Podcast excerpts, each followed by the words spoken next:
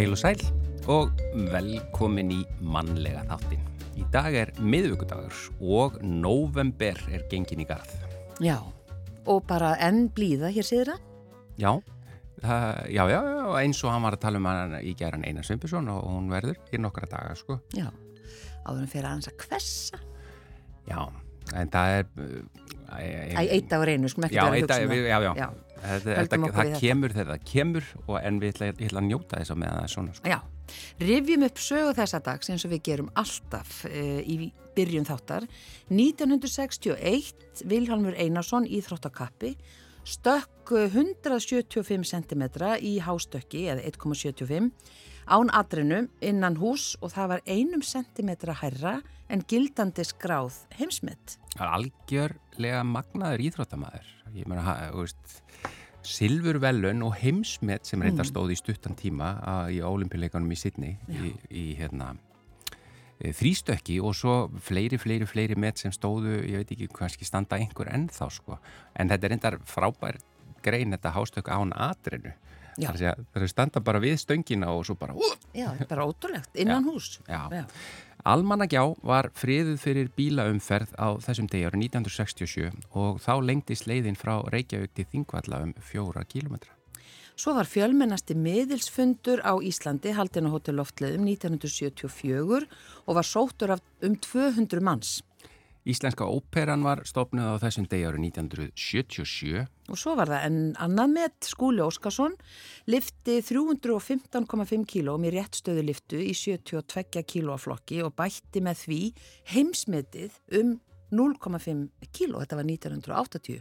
Ég man eftir þessu. Já, Það var bara stór, þegar hann- stórkostlegt augnablík í sjónvarpinu. hann hérna fagnaði líka svo stórkostlega, stóð á höndum eða eitthvað og, og, hérna, ég man skömmu síðar sá ég hann inn í sjoppu og var alveg misti málið, hann var stór stjarnar. Já. Það var mér sér gefið út hérna poplag, Skúli Já, Óskarsson. með latta. Með latta, já. Mm. Fyrsta fjórburafæðing á Íslandi, eh, þar sem að öll börnin lifðu eh, átti sér stað á þessum degi árið 1988 og þetta voru allt stúlkur. Já, svo hófst eldgós í Grímsvötnum klukkan 10 um kvöld árið 2004 á þessum degi, 1. november. Já. Eh, yfir í efni þáttarins í dag. Já. Uh, við getum bara byrjað á þessu. Hún Byrnagi Áspjöstóttir er rannsakandi við Háskóla Íslands og gesta rannsakandi við Harvard Medical School. Hún er frumkvöld og hún kemur til okkar hér á eftir að tala um mikilvægi þarmaflórunar og áhrif til dæmis gerfisætu af ymsu tægi og orkudrykja á hana. Það er að segja þarmaflóruna. Og uh, já, meldingavegurinn og þarmaflóran hafa svona verið þunga miðjan í mentun byrnu og rannsóknum hennar hérlendis og erlendis í um 20 ár. Já. Svo ætlum við aðeins að velta fyrir okkur, uh, það er að segja, í dag eigðu við flest öll miklum tíma, jafnvel of miklum tíma á samfélagsmiðlum og þegar tölvupostar og smá skilabóðir eru orðin stór hluti af samskiptum okkar við fólki í kringum okkur, þá er ein hlið af þeim samskiptum sem við ætlum að skoða aðeins í þættinum, það er að segja, það eru táknin, lindistáknin eða tjáknin eða sem kallast e- emojis á ensku. Bróskallar, þumalputtar, hjörtu og ótal fleira, eru á fjórða þúsund mismunandi tjákn og ekki eru nú allir sammálu um það hvert, hvað hvert og eitt er að þýðir.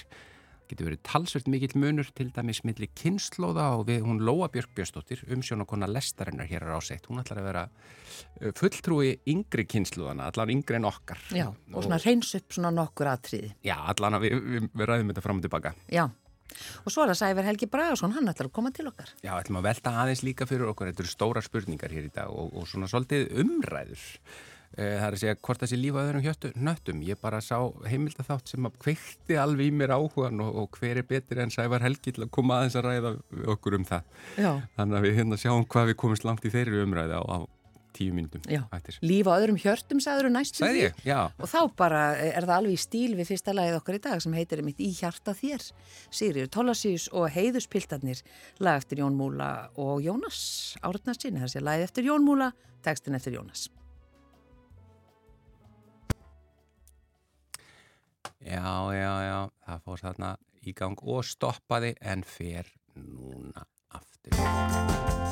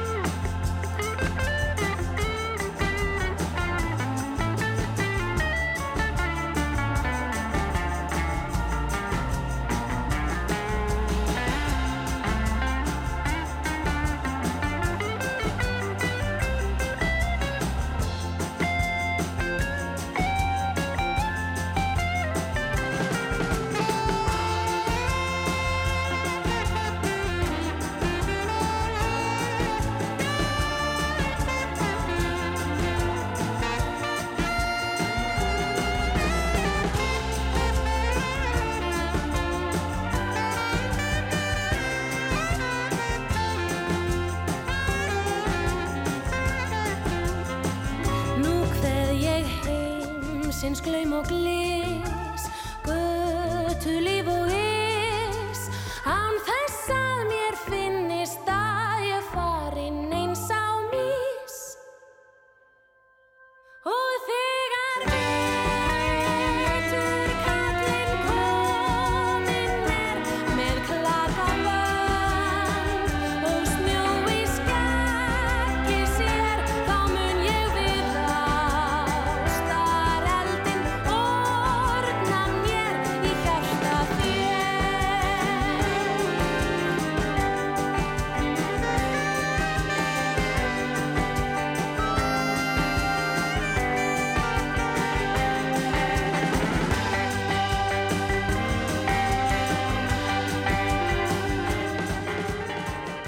hjarta þér, Sigriður Tólasíus og heiðuspiltar, lag eftir þá bræður, eða þar að segja lagið eftir Jón Múla og textin eftir Jónas Árnason.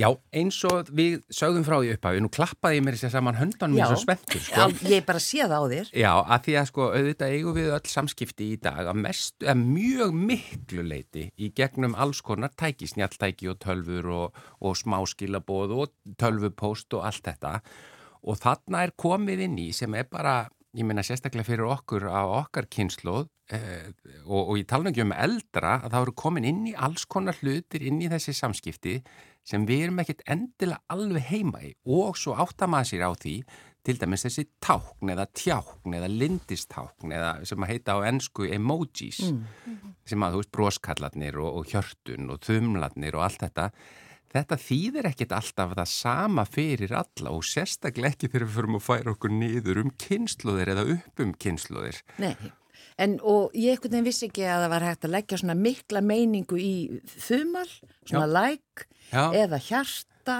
eða broskall eða eitthvað en við höfum svona einfaldari hugmyndir um þýðinguna við sem erum eldri heldur Já. en þeir sem eru yngri og þess vegna höfum við fengið eina sem er okkur yngri Já, til þess að koma. Til að vera fulltrúi allavega yngri kynnslóð en okkar velkomin í þáttinn Lóa Björk Björnsdóttir sem er einmitt sko kollegi okkar hér á Rás 1 í lestinni. Er- Og yngstar á seitt, Já, er það ekki? Jú, ég held ég sé yngstar á seitt. Já. En ég er alls ekki ung eða úlingur, ég er náttúrulega þrítug, sko. Þú ert ungi okkar huga Já, já. og, og, og hlustenda okkar og þú hefur kannski svona já, betri tengingu við þá þér yngri um þýðinguna eða kannski breytingar á, á túlkun Já, það getur verið. þannig að þarna ertu bara svona gott, uh, já Ég get verið einhver túlkur. Já. Ég get reynd að túlka Við- það sko, sem ég get. Sjáum bara hvað við komumst langt Ok, í þessu að því að við, við byrjuðum, þetta byrjaði aðeins í spjall á milli okkar guðrunar og við áttum okkur á því, til dæmis bara niður eh, þegar við skrifum til barnan okkar að þá sendi maður kannski eitthvað tákn og það er ekkit endilega og ég held bara í einhverju minni mínum huga að þetta þýðir bara eins og þumall þýðir bara geggjað, þumallin upp hérna frábært Er þú að standa stóran þumal á bönniðin þegar þú tala við þig? Stundum. Svona, og þá ert, ert þú að reyna að segja móttekið, flott, eitthvað svo leiðis. Já, hef ekki tíma til að skrifa meira Ok, sko þessi þumall eins og, ég meina, ég held að börnin þín séu að upplifa hann er Já. bara eins og þú myndir tala við mig núna Já, og ég sæti hérna á móti þér já, og ég myndi bara setja hendina upp og þumalinn upp Mhm. og ekki svara þér og horfa bara beint í auguna þér og Já. gefa þér bara þumal skilur mig ég er bara svona, ég Vil- ætla ekki að svara ég er bara að setja þumalinn upp. Þú veist, þetta er svona, þetta er svona passíft aggressíft, eða þetta, þetta er þannig sko. Er þú veist bara, það? ég, bara, ég nenni ekki að skrifa til þín bara þumall, bara, þú veist, þetta er diss. Þetta er diss. Þetta er, þú veist, þetta er, þetta er diss því Diss miður, sem er sko. sem sagt þá af ennska orðinu diss, við erum á ráseitt Ok. disrespect sem er sem sagt eh, svona van, vannvirðing, Vanvirðing. eitthvað svona smá já, en em, það er all, náttúrulega þarna, þú veist, fyrstulega er það bara áhugavert að það er, getur vel verið að mann sé bara alls ekkert að meina neina vannvinningu, heldur bara akkurat bara samþygt eða eitthvað. Já. og það heyrist auðvitað ekki tónin í röttinni hjá manni þegar, og, og plúsa þetta stendur bara fyrir eitthvað, þetta er ekki einhver einn setning Já, og vanvirðing kannski er ekki alveg rétt að kannski þýðingin, vanvirðingin, eitthvað svona áhuga leysi eða eitthvað svona já, já, já, já, já, þetta Já, er þannig, sko já. þetta er svona smá eitthvað, mhm Já, En, en lendir þú í því, að því nú ert þú hérna, e, séru, þú ert um, um Ok. þrítugt, Mhm. lendir þú í því að í aðra hverju áttina, annarkvort við yngra fólk eða eldra fólk, að, að þú sért bara að setja allt annan skilning í svona tákn en, en þau. mm, góð spurning. Sko lendi ég í því? Sko, ég held að sko, til þess að, svona, til þess að geta einhvern veginn farið inn í þetta samtal sem við erum að eiga þá, sko, það er úlingamál, úlingamál hefur alltaf verið til, munið ekki þegar að þarna, þeir voru að SMS-ast eða einhver aðeins yngri en þeir voru að SMS þá voru alls konar styttingar Já, sem að fullera fólk getur ekki skilið. Út því að það er ekki eiga þessi samskipti SMS, svona, þú veist það er, og ég held að úlingar noti styttingar það er aftur komið inn svona, eins, eins og NJOð. Já, NJOð, no Hva? joke eða, eða án jokes held ég að þýði.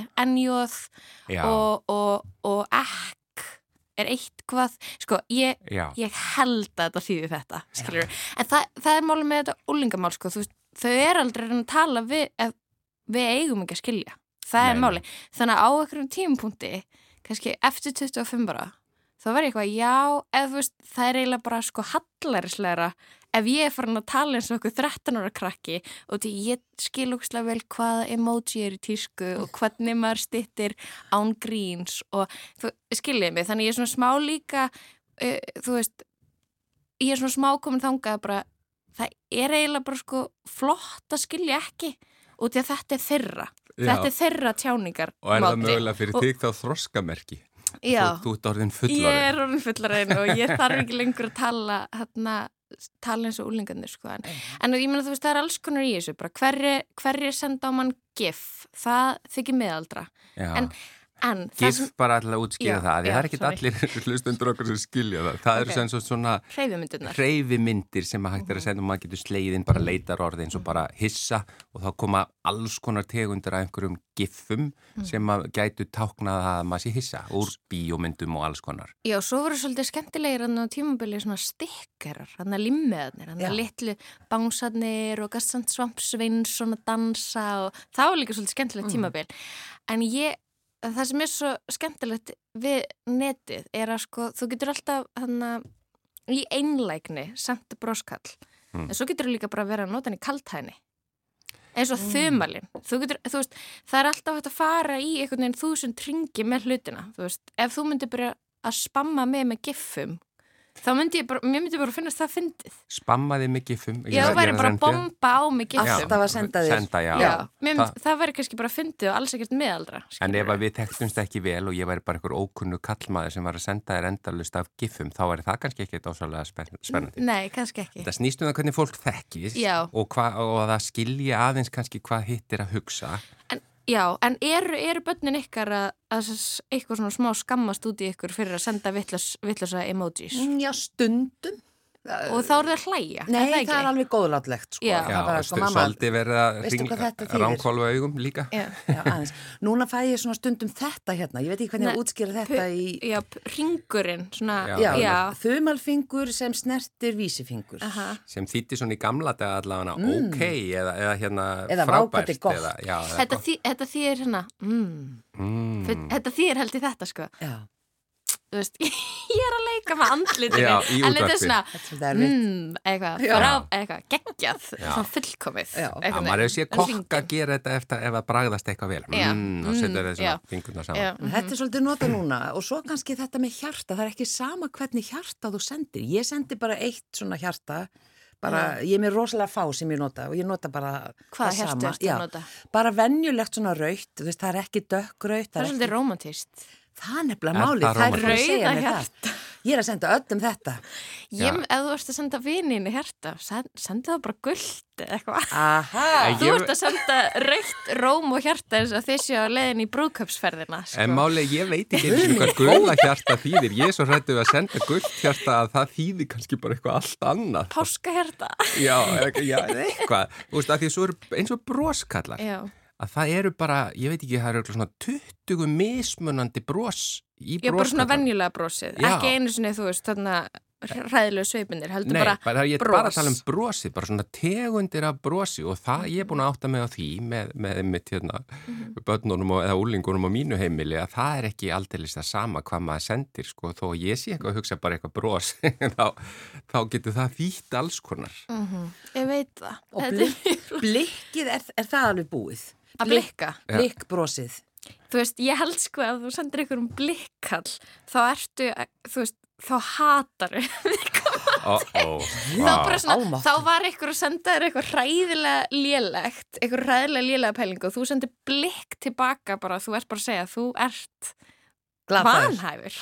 Ekki starfiðinu vexti Almáttugur. eða því ég ímynda mig sko, skilur bara blikk, það er svona, já, um mitt eitthvað, þetta er svona, þú veist blikkall, eða skilur þetta er svona þú veist, þú, já, ég held ég sé að Vá, blikki er svona Svaka þannig, þetta breyst. já, já, það er margt í þessu. Það er vandlýrað og, í svo, heimi. já, svo verða þær líka hallarsleir, þú veist, þeir fara úr tísku. Við þurfum, þú veist, það er líka svona einhvern veginn að, að, átt sig á því, sko þú veist, það sem að emojiða sem voru tísku í fyrra, þeir eru ekki lengur cool. Og ég held líka, sko úlingar séu svolítið að vinna sig með því að vinna sig uh, uh, vinna með það, að fara alltaf í skrýtnar og skrýtnari emojiða, Já. skrýtnar og skrýtnari tá En það er bara eins og þú sagðir í upphafi sko, og, úlingar fara alltaf íta á öll, öll hérna, landamæri eða að íta út, út til þess að gera meir og meira eða skrýtnara en var áður og svona. Mhm, Þau eru alltaf að þróa og útvíka. mhm, algjörlega Já. Ég held sko, þú veist, um, og þegar við vorum eitthvað að tala um í gæra, þú veist, maður ætti ekki að vera, en, eð, það er svona, sumir nota kannski full mikið af Já. emojis Já. og það getur komið út sem svolítið svona, ein, svona íkt hegðun, svona svolítið svona þrúandi, sko, að þetta er bara svona eins og að, kissa og kjassa og knúsa og, og rósa á sama tíma þegar þú sendir ykkur 30 emojis í einni setningu Sem að margi gera. Ég er bara þekki alveg sko fleiri en einn og fleiri en tvo sem að senda alveg sko allt upp í tíu svona ták með hverri setningu sem þeir senda. Þú Veist, og, og þá veit maður ekkit hvað það fyrir að minna, þetta er bara einhver svona súpa. Aha. Þetta er náttúrulega, þú veist, þetta er tjáning og Já. ég er, ég aðhyllist núna einhvern veginn svona algjört frjálsræði í þessu. Ég reyna að hugsa sem minnst um einhvern veginn, jú, ég hugsa nú alveg um það, hvort Mm. það sé hallarslegir emojiðar sem ég nota. En ég er bara svolítið að vinna, ég svolítið að vinna með hana rannsóknakonuna með stækkunaglerið, sendi hana. Hvað þýðir hún í þínum huga? Hún er bara eitthvað að rannsaka. sem að er þú ert Já, þá. hún er eitthvað að rannsaka ég, anna, svo kannski feðrildið, þú veist, ef ég ætla að vera dularfull, bláa feðrildið Já, um, og svo nota ég púkan ef ég er í þannig skapi hann litla rauða einmitt. skrattan sko sem Já. lýsi þá einhverju reyði eða bara... hann er bara, hann er í rugglinu Já. þú veist, þegar allt er í volli þá er það púkin, hann er bara hann er mættur, en þú veist, eins og hann fjólublái púkin, hafi ekki séð hann hann er með hornin Já, Jú. já. Sko við tökum það fram, það er næstu í fjögur þúsund takk sko. Já, En, er að en hvað þetta með hann? Nei, þú veist, hann er svona til dæmis, mér finnst þess að hann hafi komið rosa sterkur inn og verið mikið í tísku, svona þegar þú ert... Uh, Eitthvað það er- flippaður? Já, eitthvað svona, það er eitthvað púk í þér, Mhm. svona, og þá, þá notaður fjólblá púkan. Svo finnst mér hann núna, núna finnst mér svolítið svona, já, kannski svolítið skrítið að nota púkan. Hann er mestan dottin úr tísku núna, sko. Já. Mm, Svo já. var, svo var eitt, það var einhver sem lendi í því innan gæsalappa að setja punkt á eftir því sem hann sagði og það er alveg bannað. Já, ég var líka með þetta að hugsa það, sko, mér er stæla me mikið að byrja í því, sko, ef fólk er að skrifa manni setningar, setja punkt og svo emoji, eins og þú setja að skrifa réttgerð og ætlar að hafa alls, sko, það, já, Má ekki nota punkt? á undan emoji. Já, eða til dæmis bara. Eða uppröpunum. Þú veist, það er skrítið, sko. Vá. Ég held að þetta er svona, þú veist, maður verður að hugsa eins og maður sé að tala saman Já, og við séum, þú veist, við erum einhvern veginn að spjalla á netinu eins og við, og við erum að reyna að herma eftir í hvernig það væri ef við værum að spjalla saman hérna já, auglitis, augliti til auglitis já, já, og þú verður alltaf að setja punkt sem því þögn. já. Þú ver, ég Já. að tala við þig og svo verður ég, svo myndi ég gera eitthvað svip og svo myndi ég byrja setningun aftur, skilur þetta er svona, ég, ég sé þetta allavega þannig fyrir mér. Ef þú verður að segja, þú verður að tala um mig núna og svo myndir Mhm. bara stoppa til þess að leggja áherslu. já. Þú veist, það er eitthvað svona, er það ekki smá skrítið? Mm, Eða skil ég jú. hvað ég á við? já, en það er allavega sko, skiljið þetta alveg. Ok, það er nokkur ljóst að, að, að, Punkturinn er úti.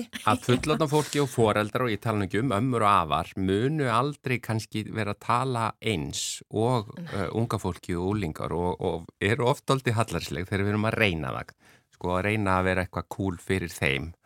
Uh, og, og það er kannski bara þannig sem þetta er áfram í þessu og þetta bara verður alltaf svo leiðis Já, ég- einhver sannar munur. ég held að fólk eigi bara að gefast upp og, og nota öll þau gif og þumla sem þeim sýnist. Já, og romantísku rauði hjörtu. Já, ég ætla að, senda, ég ætla að halda áfram að senda öllum bara romantísku rauði hjörtu, setja punkta og allt mögulegt. já, ég bara útskýri þá ef það, ef það veldur ykkur um miskilningi. Nei, ég ætla að fara að nota gula hjartað, ég ætla, ég ætla að fylgja þessu sem hún segir. Guðlega græna kannski. Já, eða, eða græna, já, Mhm. akkurat. Það er svo finnulegt. Það er ennþá reyna- fleiri litir til mér. Hvitt og svart er sorglegt. Já, er það ekki? Já, ég nota þau ekki. En Lóa Björk Björnsdóttir, þakka þér innilega fyrir að- reyna að útskýra þetta fyrir okkur og við erum, við erum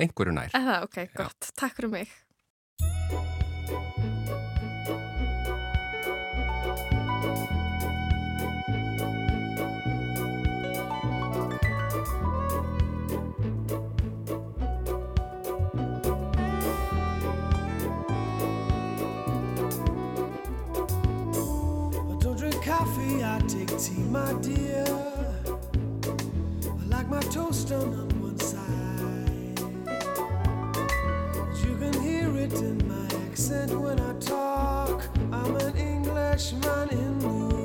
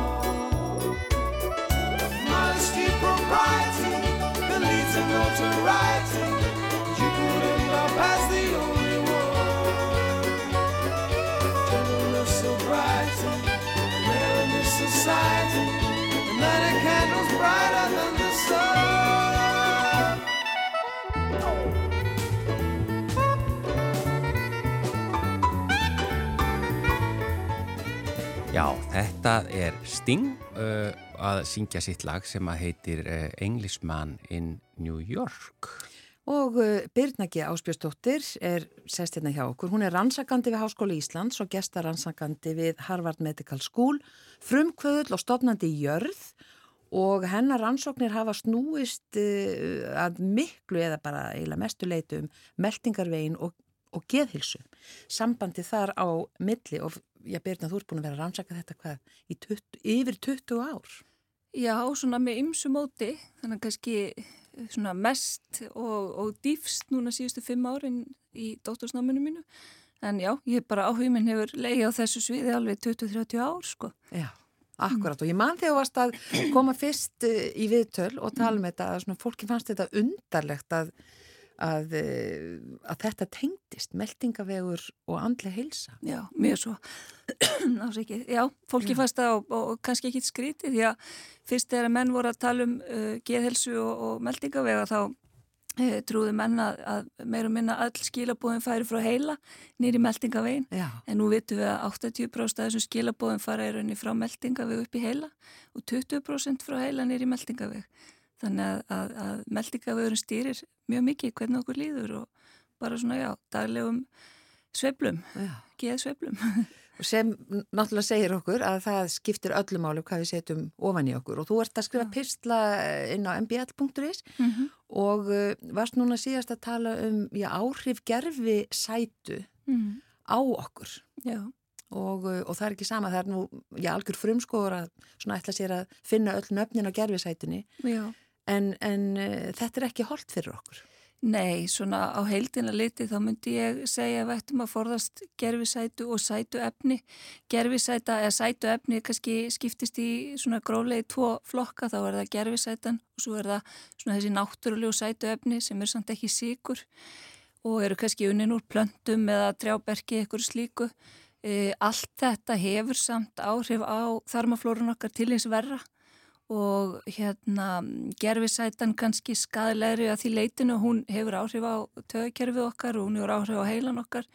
Hún hefur áhrif á hormonakerfið og, og tögabóðefnin og svo náttúrulega breytum þarmaflórunni og þegar við breytum þarmaflórunni þess að riðlum þessari samsetningu að þá eru við líka að hafa áhrif á sagt, hvernig okkur líður á tögakerfið, á tögabóðefnin því að þessar örverur sem við viljum hafa í þörmunum að er, þeim fækkar þá og aðrar svona óæskilegri þeim fjölgar og þessum sem fækkar þær eru að færa okkur hérna, mikilvæg efni sem hjálpa til við bara jafnmægi í geði og velíðan og svona, já, ákveðin gleði hormón og, og taugabóðefni meðan þessar slæmu sem að kannski þeim fjölgar þegar við erum jafnvel duglegi síkri en, líka hann í gerfisætun og sætuefnunum að þá eru þau ekki okkur afurðir sem eru bólkumyndandi og svona láta okkur kannski líða fremur illa heldur en vel.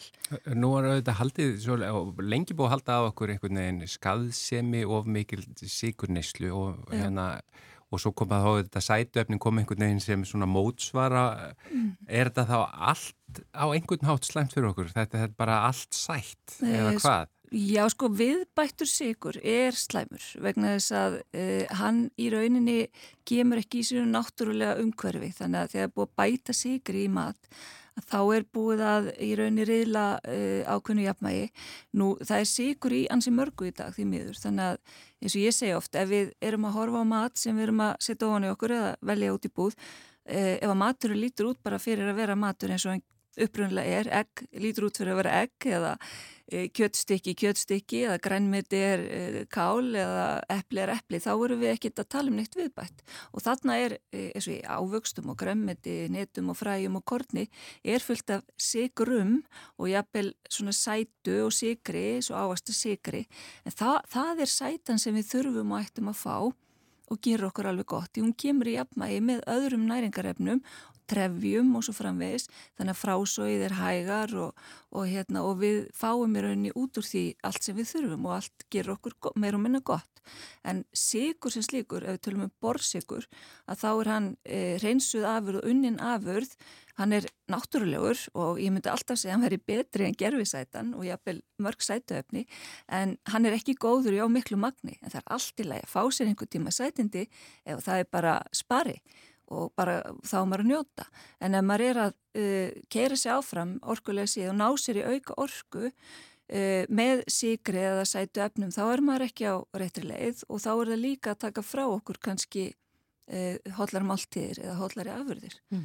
Þannig að þá er kannski bara betra að fá sér eitt epli eða eina appilsínu ef mann vantar orku. Við höfum alltaf að byrja á því, fá okkur banana eða epli eða appelsínu eða hnetur og fræ eða eitthvað gróft kortmeti og, og sjá svona hvort að það dögur okkur ekki og jafnvel eitthvað fytu með bara eins og hnetur og fræ eru stútfull af alls konar hollum hérna, næringarefnum og gera okkur sött og gefa okkur orku þannig að þetta er miklu eðlilegri e, orkugjafi og svona fa- e, veldur settu tilfinningu og jafnmæ. Já. En líka svo hérna, mikilvægt að þegar maður er að fá sér hérna, sigur, viðbættan sigur eða sætuefni að það riðlar blóðsigurs jafnmæginu þannig að hann ríkur upp og svo fellur hann niður. Og það var alltaf sagt að sætuefnin gerðu það ekki og þess vegna var sigursjúkum ráðlagt sætuefni. En það er vita í dag að sætuefnin riðla líka þessu jafnmægi Þannig að við rjúkum upp í blóðsikri, það er náttúrulega hættulegt, svo eðlilegu mekanismi líkamans er að læka blóðsikurinn og, og, og staðin fyrir að fara í þetta baseline sem við eigum að vera, þessa beinu línu, þá droppum við niður fyrir beinulínuna eða þetta jafnmægi sem við höfum verið í og þá fáum við aftur hungurtilfinningu, kvíðatilfinningu, streytutilfinningu, þá leitum við jafnvel aftur í sætindi og þannig verður þetta svona rússipanna reyði við daginn og það til langstíma endar aldrei vel. Nei og einmitt, já, orkudrykkirnir, þeir eru nú aldeilis uh, í, já, bara tísku, ég held bara annað hver maður Já, drekki orkudrykki. já, orkudrykkir keir okkur Þeir var svolítið. alltaf, já. En hvernig vitum við hver, hvert ástandið er í þarmaflórunni hjá okkur bara persónulega, þú veist, hver, hvernig er það mælt og hver, og hver eru kannski engjannina ef maður finn, eða er að segja, hvað eigum að vera vakandi yfir til að finna að hún sé úr jafnvægi eða, Sko, yfirleitt bara við vitum ekki að maganum okkar, hann er ekki að tröfla okkur á daginn, þá erum við bara góð. já, Svona, það er allar líkur á því. Ef við erum með uppþembu, vindgang, ónót, uh, bakflæði, alls konar, þá er ójafnvægi. Það getur auðvitað stafað af einhverju öðru en mjög oft er það ójafnvægi að þarmaflórunni og hún er oft líka grunnurinn að öðrum ójafnvægum í meldingaveginum. Þannig að það er ágætt að horfa til þess hvernig líður okkur í maganum og hversu oft erum við svona að hugsa um magan og, að tröfla okkur. En það þýðir ekki að það get ekki verið ójafnvægi þó við finnum ekkert því að þetta ójafnvægi getur líka komið fram sem annars konar enginni, höfverkur, uh, húð, útbrott, uh, liðverkir, alls konar.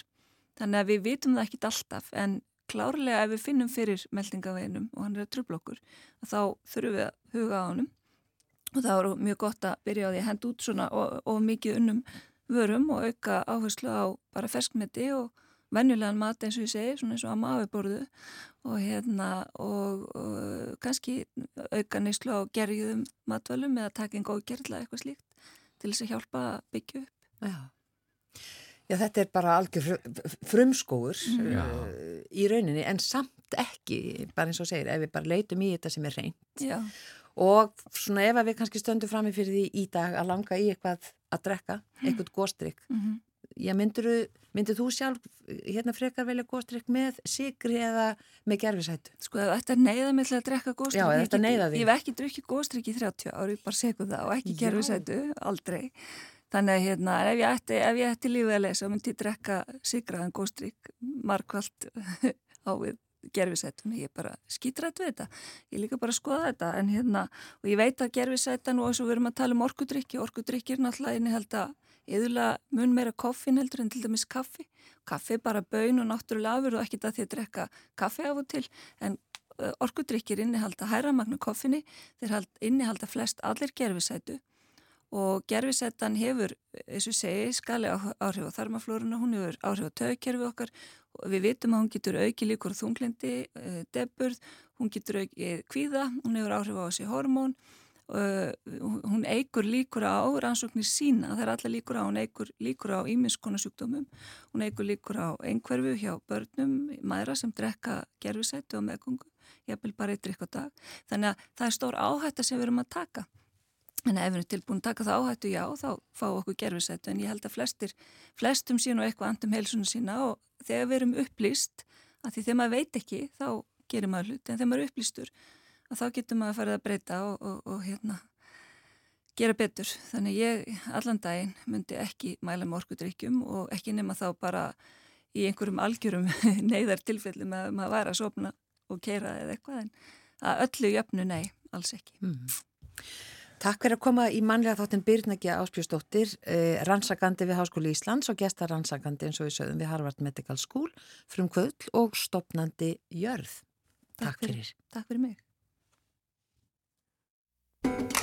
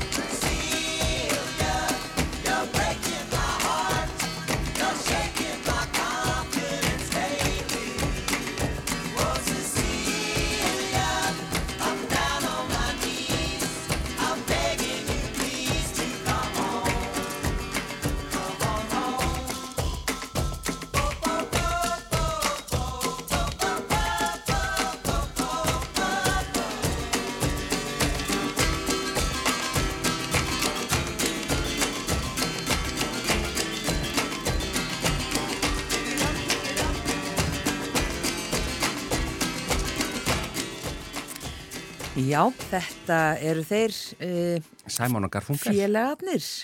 eins og við sögum fyrir vikunni Simon og Garfunkel, það er bara íslensk uh, framburður á þessu, Já. eða ekki, og Garfunkel. en hérna, uh, hingaðu komin Sævar Helgi Bragason og við ætlum að svara, eða vonandi svarar þú uh, bara mjög spurningu sem hefur verið varpað fram ábyggilega miljónsinnum og, og fólk hefur velt fyrir sér ábyggilega frá bara upphafi mannkins. Er líf á öðrum höttum? Já, ef ég geti bara sagt já eða nei, þá er það frábært. Eh, eða kannski ekki, því að vangaveltunar um það hvort svarið er já eða nei er reynda mjög áhugaverðar. Og þegar við horfum til himins, þá er náttúrulega hver einasti punktu sem við sjáum með byrjum augum, uh, stjarnar, fyrir utan kannski örfár plánutur, þar að segja mestalegi fimm sem við sjáum með byrjum augum. Og restin eru stjörnur, sólir, sem að gætu allar haft sín einn sólkerfi og svo náttúrulega með sjónungum sjáum við ennþá fleiri stjörnur með ennþá fleiri sólkerfi og eins og sækistand í dag þá höfum við fundið rétt ríflega 5.000 önnur sólkerfi í vetrubrytinu okkar.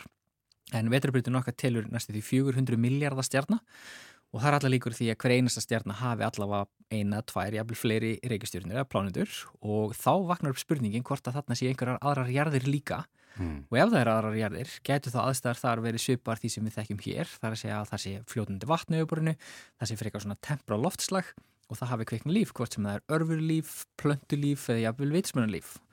Enn sem komið er höfum við ekki fundið eitt eða neitt, uh, þannig að uh, eins og sækist þetta núna þá er almurinn hljóður og eina sem heyrist er uh, smá kvískur í okkur en við leitum og munum sennilega aldrei leita á okkur allanguruna því að heimurinn er svo svakalega stór.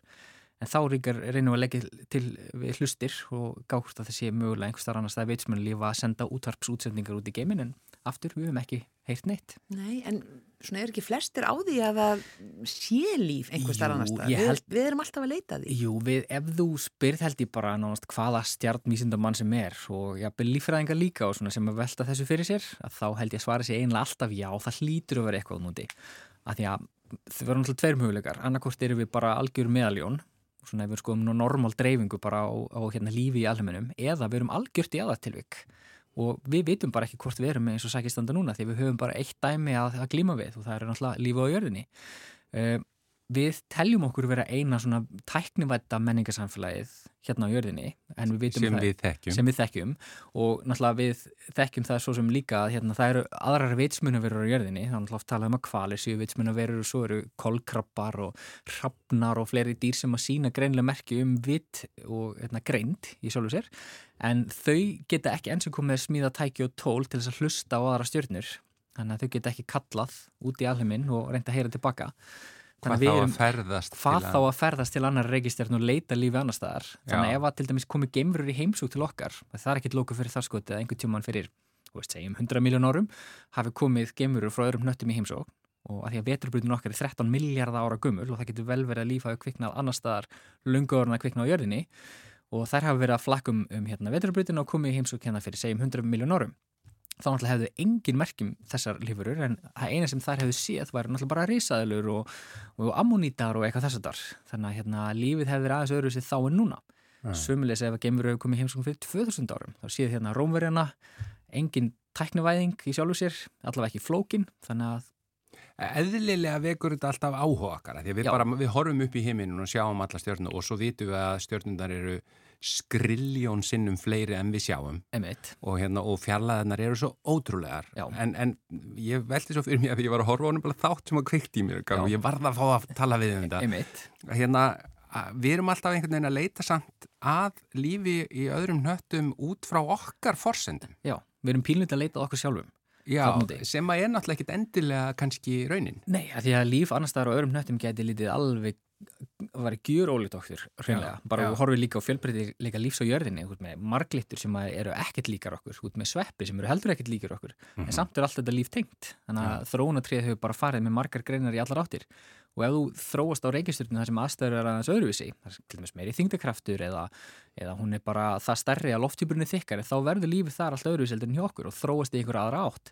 Og svo ertu komið með allar þessar svona hamfari sem hafa geisað á jörðinni gegn tíðin og breytt gangi lífsins kannski er rosalega ólíklegt að þe- þessi hlutir falli allir í réttaröð og leiði til vitsmunulífs en það að finna ekki bara endilega vitsmjölulíf, heldur bara að finna merki um líf, finna líf vísa annars þar og þá erum við að tala um til dæmis súrefni eða finna hérna metan eða koldioxíð og allt svona sem við þekkjum andrumsloftin okkar, þá myndum við náttúrulega finna líf sem væri mæntalega líkt okkur, einhvers konar plöntur og þess að þar, en svo bara erum við kannski ekki með nógu gott ímyndunafl til þess að ímynda okkur annars konar líf á öðrum, öðru, öðru formi. Já, eins og þú segir, að við erum alltaf að leita að eins og til dæmis hvort það sé vatn. Já, En, en hvað vitum við nema að það sé til eitthvað líf sem að þarf bara ekkert á vatn að halda? að, einmitt, sko, þá, þá erum við tvent þar að því að vatn er rosalega algengt í alminum og vatn er rosalega góðu leysir það er að segja, það er rosalega gott fyrir líf að nýta sér mjög algengt efni, það er bara einfaldasta leiðin fyrir náttúruna er að nýta það sem er algengast í alminum og vatn er brjálagslega algengt allstæðar í alminum þannig að það er ólíklega að við til dæmis, til dæmis varum með líf sem var að nota fljótandi ammoniak eða fljótandi metan eða eitthvað slíkt af því að þar líka e, fyrirfyrst engungu við aðstæðar þar sem er brjálagslega mikið frost og í, á brjálagslega köldum nöttum að þar væri öll efnafræði lötur hæg þannig að þú þart til til að hátt hittasti til þess að efnafræði verði hröð Mm. og þetta er uppi hjá okkur og við erum búin til úr algengust efnum í alheiminum þess vegna er svona lógist að draga það álöftun að það sé mjög líklegt að annar líf í alheiminum séu nákvæmlega sem efnum. En svo hafa menn velt fyrir sér hvort að kannski verið kísillíf eða eitthvað svo leis eða líf sem notar hérna einhver önnur efni sem eru okkur eitruð það geti alveg vel verið það því við bara þekkjum það ekki. Hvað, hvað myndi kísillíf vera? e, Já, það var þá einhvers konar kísillífverur í staðin fyrir að því við erum kólumislífverur þá getur við verið með lífverur sem nýtt, nýttu kísil í staðin og hefðu það einhvern veginn í beinabyggingunni sinni eða eitthvað þess og þar í staðin fyrir, fyrir kalsíum eða, eða kólefni Mhm. um, það er vandamál þarna líka því að þegar þú býr til úrgang þá býrðu alltaf til fastan úrgang. Þú ætlar að reyna að kvarfa kísli saman við eitthvað annað þannig að hérna, þú losaður ekki endilega við vatn en þú myndir losaði við fastefni. Og ef að lífið ætlar að reyna að gera það. Þannig að það eru, svo, það eru svona líffræðileg vandamál líka sem við getum ímyndað okkur ef að líf ætti að vera úr einhverjum öðrum efnum. En veist, eins og ég segi, við, bara, við höfum kannan svo lítinn hluta af alheiminum að við þekkjum bara okkar eina dæmi og við, okkur hættur þetta til að draga álöktanir út frá því kannski bara ímyndunaflega okkar ekki nógu gott til þess að geta séð fyrir okkur eitthvað annað Nei, Sko, en við erum með, Alveg. við erum með útlitið á sem sagt öðrum verum, Já. geimverum. Það er einhvern veginn svona, uh, var hannað, um miðja í síðustu öld eða eitthvað fyrir slíkt Já, ég, mitt og, og, og við höfum bara haldið okkur við það útlit. Já. Svona hvaðan kom það upp, Það upphaflega? kemur náttúrulega uppálega úr einmitt vísindaskálskap, fyrst og síðast og þetta eru gjarnan einhvers konar svona verur sem við erum hrætt við líkjast okkur pínlítið en eru okkur samt sem að það er freka framandi svona einhvers konar ófrínileg útgáfa á okkur sjálfum. Já, á meðan að það er fullt af krú, krútlegum hérna gemurum á jörðinni. Meina, veist, lömpin eru svolítið krútlega ekki, og hérna apatnir og og- hundar og allt þetta, þetta er allt gemurur Já, og, já. en, en ef við værum að, að það væri ekki til hundar á jörðinni þá væri- ættum við kannski svolítið erfitt með að ímynda okkur þá dýrategund hérna. Og svo Já. þegar við rínum í sögu jarðarinnar þá hafa náttúrulega bara hefur jörðin verið eh, með ótrúlega fjölbreyttan eh, já, já, ótrúlega fjölbreytt líf sem hefur litið allavega út líf sem er ekki uppi á jörðin akkurat núna en við sjáum í jarðlögum, stengjaröngu og slíkt sem við einhvern veginn gátum ekki ímyndað okkur þannig að hérna, Og lífverður við alls konar aðstæður eins og bara Já. í einhverjum hérna jöklum og í, í, onni í hverum og ak akkurat, það er til einmitt svona jaðar örfurur sem Já. að þrýfast ofan í uh, umhverfi sem að við myndum steindreifast í, sem -hmm. eins og þú segir í hverasvæðum sem lifa kannski við 100 gráði hitta, brotna ekki sundur þrátt fyrir það, það er til lífverður sem að geta lifað við kjarnakljúfa kljúfa, líf sem getur lifað ofan í jörðinni á þess að sóluljós komi nokkuð tíma næri, líf sem höndlar ekki súrefni, til dæmis hérna hjá okkur það er í, inn í okkur eru bakteríur sem gefa frá sér metan þegar það brjóta niður eitt og annað. Og svo prumpum við því, losum við okkur við gasi sem þessar hérna, lífurur búa til inn í okkur. En ef þessi lífurur kemist í súrefnisríkt umhverfi þá myndi það deyja. Þannig að súrefni okkar sem við öndum að okkur var eitur í þeirra beinum innan gesalappa og slíkin hættur eru alveg möguleikir bara með þessi sólkjörun okkar Mm. En er ekki, er ekki líka að því að sko uh, alheimurinn er svo gríðarlega stór. Hann er dálítið stór, já. Mörg, hvað er ekki, margi miljardar vetrabrauta. Jú, sko, Já. ef, svona, ef við tökum svona gróf áallin og fjölda stjarnar í alheiminum Já. þá er svona 1 sinum 10-24 veldi stjörnur Já, og eitthvað svo leiðis og það þýðir að fyrir hver, hvert eitt sandkot sem er í jörðinni er til að minnstu kosti 10.000 stjörnur já, þannig að þetta er bara, þetta eru tölur, sko. þetta er þetta sem við kallum stjartfræðilega tölur sem okkur svimar við. einmitt og ekki neynlega að skilja einhvern veginn Nei, og þar að leiðandi líka náttúrulega allar þessar ótrúlegu vegalengdir. Þú Já. veist, við erum bara mælt í ljós árum, sko. Einmitt. Er ekki þá bara alveg eins líklegt að ef að það hefur þróast lífa á öðrum hnöttum, Já. einhver staðar hann úti, jafnvel jafn langt og við eða, eða hefur þróast jafn langt og við eða jafnvel ennþá lengra eða skemur eða eitthvað slíkt. En þau eru bara ekki búin að finna leið til þess að ferðast svona langt alveg eins og við. Meina það, það, getur verið. Það getur verið við sem upp á þeim tíma þar sem við erum bara fyrsta tæknumönda menningarsamfélagi sem hefur getuna til þess að ferðast um milli stjarnar Mhm. nema bara ferðalegin okkar um milli stjarnar taka rosalega langa tíma því við ferðum svo hægt enn sem komið er. En ef það kviknaði líf einhvers þar annars þar sem að væri 50 miljón árum undan okkur tækni þá ætti það að vera bara einhvers þar í kringum okkur. Þá vaknar spurningar, þú veist, gætu þeir einmitt verið að fylgjast með okkur nú þegar? Bara hérna svona look but don't touch veist, þetta er hérna að sjá okkur úr fjarska. Við erum bara hreinlega of heimsk en þá til þess að fá að vera með í svona partíinu í vetrabröðinni uh, þetta er svona þau fylgjast með okkur úr fjarska þannig að við erum sé kannski píluti eins og, eins og einhvers konar dýragarður og svo þegar við höfum krútlegur dýragarður. krú, krútlegu dýragarður sjá hvert við í hvað átt við þróumst það er svona marga löstu þetta er, hérna er ráðgóta sem heitir Þversög Fermis og hún og þessi Þversög Fermis er kent við uh, lisfræðing sem heitir Enrico Fermi og hann uh, velti fyrir sér einhvern tíman á morgun verða fundi uh, vina sinna hvort að er alveg mér uppfyllar lífi af hverju höfu gjöru vörfi eitt eða neitt. Að þú reiknar út grólega hversu mörg menningarsamfélag ætti að vera í vetrabrautinni þá getur það skipt hundruðum, þúsundum en miljónum fyrir eftir hversu bjart sitt maður er Mm. Og við höfum ekki verið vörfin eitt og það eru margar mögulega skýringar því. Einu náttúrulega svo að það séuð nú þegar að heimsækja okkur. Þannig að sögur sem fólk segir af því að hafa séð fljúandi fyrirluti sem ekki er að útskýra séu hreinlega geimur í heimsók ég kaupi það ekki að það vantar sönnugögnin svo rannur bara þessi hérna nákvæmlega okkar. Bara gæti þess að það fari lítið fyrir þeim og við sjáum það ekki. Eða þá að við séum bara hreinlega einn það sé einhvers konar svona síja í lífinu sem að hleypir lífi ekkert mikið lengra heldur en við komumst sko.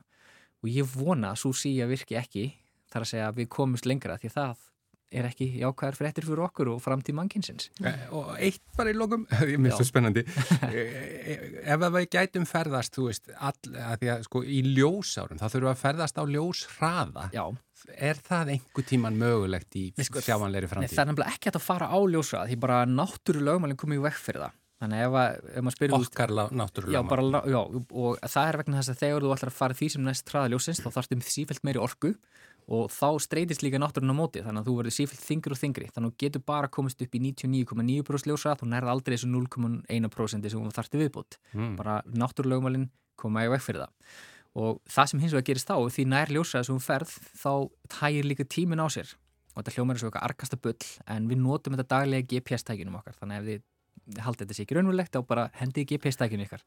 En hérna, sagt, þá hægir tímin á sér þannig að ferðulega millir stjarnar væri mögulega og brjóðværslega miklum hraða að því að tímin hjá okkur myndi það hægja það mikið á sér að við gætum lifað af Já, að við hérna- myndum ekki eldast. við, já, við myndum eldast mun hægar þannig að hérna, en það kostar miklu orku Já, þetta er, þetta er ekki einfalt. Nei. Nei, En lífað nú þakkir. Já, öruglega Já, við- ég, ég mun halda áfram að, ég ætla að elda hérna fram á ganga, Já, halda flott, áfram að flott. ræta við. En Sævar Helgi Bragarsson, þakka þér innilega fyrir að, að svara þessum spurningum í eitt skipti fyrir öll. Já, takk Þá er bara þættinum lokið hjá okkur í dag. Þökkum samfélgin að vera mér aftur á morgun með mannlega þáttin. Verið sæl.